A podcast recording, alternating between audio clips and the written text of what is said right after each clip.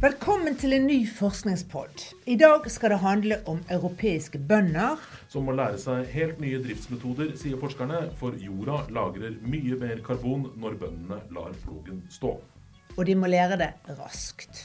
Og så skal vi snakke litt ned kunstig intelligens. Og høre at norske forskere kan ha løst problemet med de irriterende sparkesyklene som ligger henslengt overalt i byen. Jeg heter Anne Sundevåg, og med meg som vanlig her i studio i forskning.no, redaksjonssjef Bjørnar Kjensli.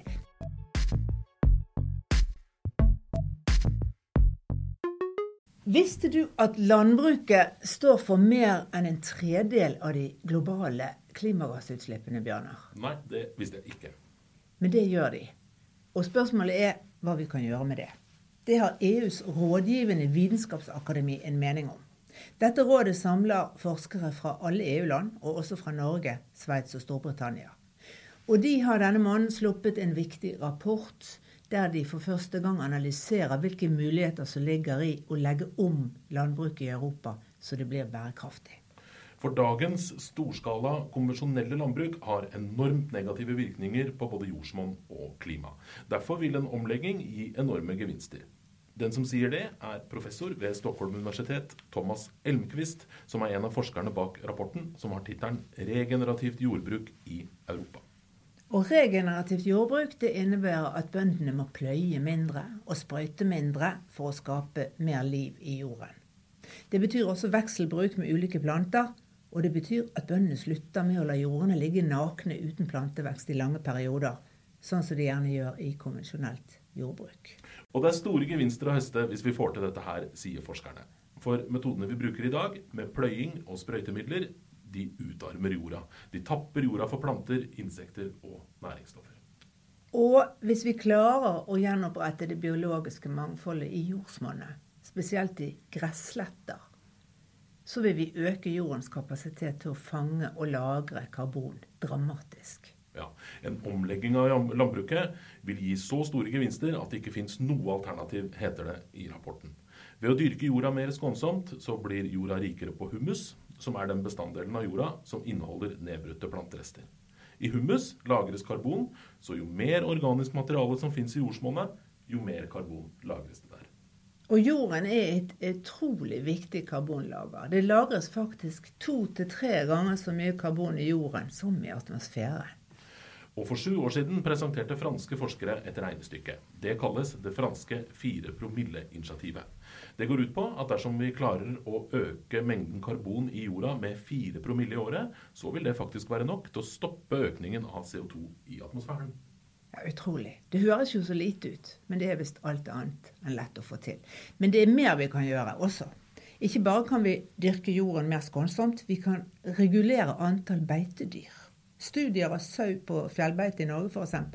viser at et middels antall sau på beite gir økt lagring av karbon i jorden og mer vekst av urter og gress enn om bonden øker sauetettheten i utmarken. Et passende antall sauer i utmarken gir også mer lagring av karbon i jorden enn om utmarken ikke beites på i det hele tatt. Og I Norge så er det faktisk rundt 2,5 millioner gressetende sauer på utmarksbeite. Så hvis vi unngår over- og underbeiting her, så kan det gi en viktig klimagevinst, skriver norske forskere i en kronikk på forskersonen.no. Det handler også om skogens konge.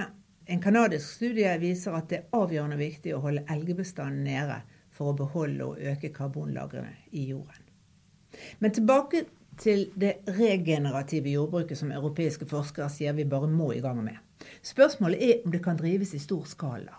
Landbruket skal jo tross alt prøve verdens befolkning. Klarer vi oss uten dagens intensive driftsmetoder? Det svarer professor Elmquist et rungende ja på. Han sier det er en misforståelse at regenerativt jordbruk bare kan drives i småskala. Og hvis vi fortsetter som nå, med å redusere artsmangfoldet og utarme jorda, da klarer vi i hvert fall ikke å brødfø verdens befolkning i framtida. Vi har kanskje tiår på oss, mener han, til å legge om driftsmetodene i landbruket. Og det blir avgjørende å få industribøndene med på laget. Og hvis vi lykkes med å legge om, så vil det bety at vi kan ta store mengder CO2 ut av atmosfæren og binde det tilbake til jorden.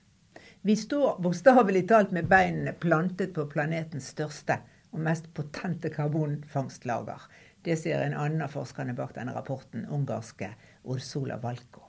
Forskerne understreker at en omlegging til regenerativt landbruk ikke utelukker all bruk av moderne plante- og dyreavlsteknologi eller all bruk av pløying, mineralgjødsel og plantevernmidler. Men alt dette må begrenses, og det må målrettes. Kjemiske plantevernmidler kan f.eks. erstattes av biologiske alternativer eller genmodifiserte avlinger. Så spørs det om politikerne i EU og i Norge i en tid med krig og truende kornmangel vil høre på forskerne. Rådet de får er iallfall krystallklart. Den nye felles landbrukspolitikken i EU må prioritere å legge om til regenerativ drift.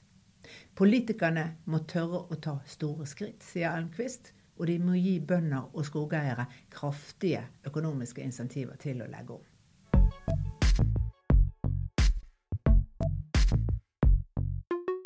Kunstig intelligens lever ikke alltid opp til navnet, Anne. Nei, av og til blir resultatet kunstig og ikke veldig intelligent når IT-folk prøver å erstatte hjernekraft med datakraft. Og det skal vi ikke kimse av, for i dag er det planer om å bruke kunstig intelligens til litt av hvert. Nav funderer på om kunstig intelligens kan brukes til å avgjøre hvem som skal få støtte. UDI leker med tanken på å bruke datamodeller for å avgjøre hvem som kvalifiserer til å få opphold i Norge. Og kanskje kan kunstig intelligens bidra til at en domfelt får en rettferdig straff. Dette er Samia Toilab ved Universitetet i Bergen opptatt av. Hun er informatiker og forsker på kunstig intelligens. Og hun mener vi må ta problemene med kunstig intelligens mer på alvor. For problemene er reelle. Et eksempel. I 2018 prøvde Amazon å bruke kunstig intelligens for å få sortere i søkermassen når de skulle ansette nye folk, for å sile ut de mest kvalifiserte som skulle gå videre til jobbintervju. Men så viste det seg at den kunstig intelligens-modellen som de brukte, den likte ikke kvinner. Noen la merke til at ingen kvinner ble innkalt til intervju lenger. Uansett hvor god CV hun stilte med, så ble hun vraket av dataprogrammet. Det som skjedde her, er at kunstig intelligens leter etter den enkleste veien til målet. Og ved å sortere ut alle kvinner, så oppdaget modellen at han fikk gode nok resultater, sier Toylab i podkasten Popviten, som er laget av Universitetet i Bergen. Når han prøvde å finne den beste måten å skille mellom søknadene, så fant han ut at hvis en kun fokuserer på skjønn, så klarer den i hvert fall å oppnå gode resultater. Og da var det veldig enkelt. Hvis modellen kun fokuserer på, på, på menn, altså velge ut menn, og derfra se på andre trekk, så funket det veldig bra. Og derfor ble kvinner bare kastet ut med en gang. Amazon endte med å vrake hele dataprogrammet. Men det var ikke den kunstig intelligens-modellen som var problemet. Det er i datasettet som ble brukt til å lage modellen at Amazon måtte lete etter forklaringen. Selskapet brukte CV-er fra egne ansatte i tekniske stillinger som de la inn i modellen. Og i disse dataene var det enten en stor overvekt av menn, eller også så var det flere eksempler på gode søknader fra menn enn fra kvinner, sier Toyleb. Og når en AI-modell, altså en Artificial Intelligence-modell, først har trukket en slutning, altså i dette tilfellet at kvinner passer dårlig i tekniske stillinger, så holder den seg til den. Den tenker jo ikke, den prøver jo bare å løse oppgaven. Så hvis modellen da tar riktig avgjørelse ni av ti ganger, så regnes det som en god nok modell. Og det kunne Amazons modell altså oppnå ved å først sortere ut alle kvinnelige søkere. I dette tilfellet så fant Amazon ut hvor problemet lå. For modellen var ikke så komplisert, og datasettene ikke så enorme som de er i de nyeste datamodellene. For da snakker vi om svært kompliserte modeller som søker i enorme datamengder etter mønstre og tendenser som de bruker til å finne løsninger på oppgaven de får. Deep learning kalles det på informatikkspråket.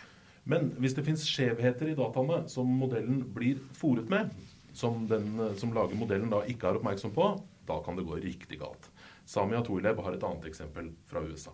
Så det var en bank som eh, bestemte seg for å lage en modell hvor de kunne automatisk vite om en person bør få lån eller ikke. Og da tenkte de at ok, da lager vi en modell som gjør dette for oss så slipper vi å gå gjennom alle søknader. Da kunne de liksom bare gå gjennom de søknadene som slo positivt av eh, modellen. Men problemet er at de har sikkert brukt noen komponenter i denne modellen som enkelt korrelerte afrikanske navn med dårlig lønn eller dårlig livssituasjon. Og Derfor ble det slik at alle de som hadde afrikanske navn, fikk ikke lån. Resultatet var at programmet avslo nesten alle søknader fra afroamerikanere. Så kunstig intelligens kan ta fordomsfulle avgjørelser. og rasistiske avgjørelser. Men det er ikke modellenes skyld. Vi har overvurdert modellenes evne til å sortere riktig i dataene, sier Samir Tolep. Og da ender vi opp med modeller som tar sjåvinistiske eller rasistiske avgjørelser. Men problemet er at det er nesten umulig å finne alle skjevhetene i datasettene. Altså, det største problemet er jo at vi vet jo ikke om alle mulige problemer som fins i et datasett. Ikke sant? Altså Hvis vi tror at kanskje vi har skjevheter når det gjelder kjønn, f.eks., så kan vi kanskje prøve å fikse det. Men det betyr ikke at vi har fikset alt. Og datasettet kommer jo fra oss. Det er visst mennesker som lager slike datasett. Og alt i alt så er det oss som er problemet. Vi mennesker er problemet, rett og slett, og ikke maskinene. Har du hørt om da Microsoft laget en chatbot som het Thai? Den skulle lære seg å etterligne språket til ungdommer mellom 18 og 24 år. Så Tai ble fòret med meldinger som unge i denne aldersgruppen skrev på Twitter. Det endte opp med at Tai ble en nazist som støttet folkemord og hatet feminister. Tai sa f.eks. at uh, 'jeg hater feminister', og 'alle burde dø og brenne i helvete'. Eller også at Hitler gjorde ingenting feil. Vi bør eh, rett og slett være varsomme med å bruke kunstig intelligens på områder der skjevheter i modellene kan gjøre mye skade, mener informatikeren. Hun er skeptisk til å bruke kunstig intelligens i offentlig saksbehandling f.eks. Da krever det veldig god oversikt over innholdet i datasettet som modellen bruker. Oss som samfunn, som helhet, bør egentlig ta stilling til dette. Altså, Har vi lyst til å bruke en, eh, en modell som skal ta beslutninger som hvem som skal motta støtte fra Nav? Ikke sant? Har vi lyst til å liksom, stole på en slik modell? Hvordan kan vi få det til at vi kan stole på en slik modell? Ikke sant? Og det samme med f.eks. Eh, rettssystemer som skal da eh, straffe noen. Hvordan kan vi da lage en modell som kan gjøre dette på en rettferdig måte?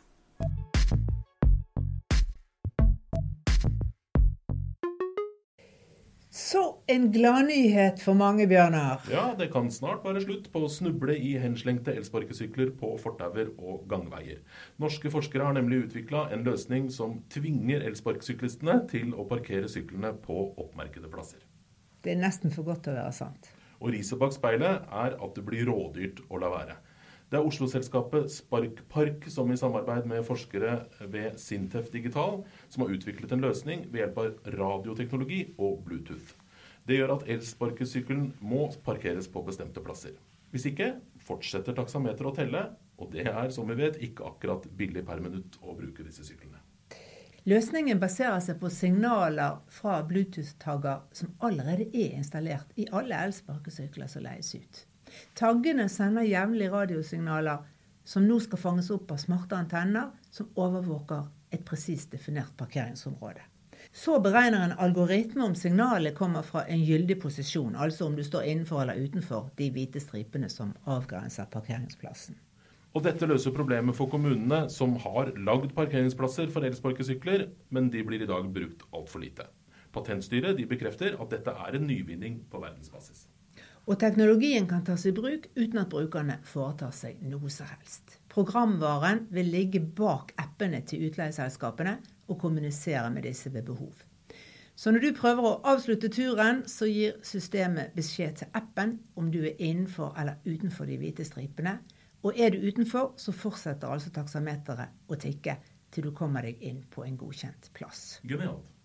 Og grunnen til at de ikke bruker GPS men Bluetooth og antenner til posisjonering er at GPS har mye større feilmarginer. Ja, for med GPS så ville feilmarginen være mellom 10 og 20 meter. Og da vil du i praksis kunne parkere midt i gata og likevel få tommelen opp fra systemet.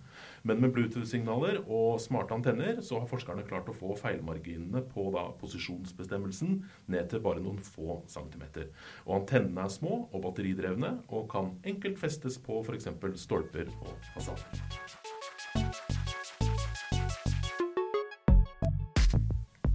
Forskningspodden er laget med støtte fra forskning.no av meg, Anne Synnevåg, og redaksjonssjef i forskning.no, Bjørnar Kjensli. Tusen takk for at du hører på.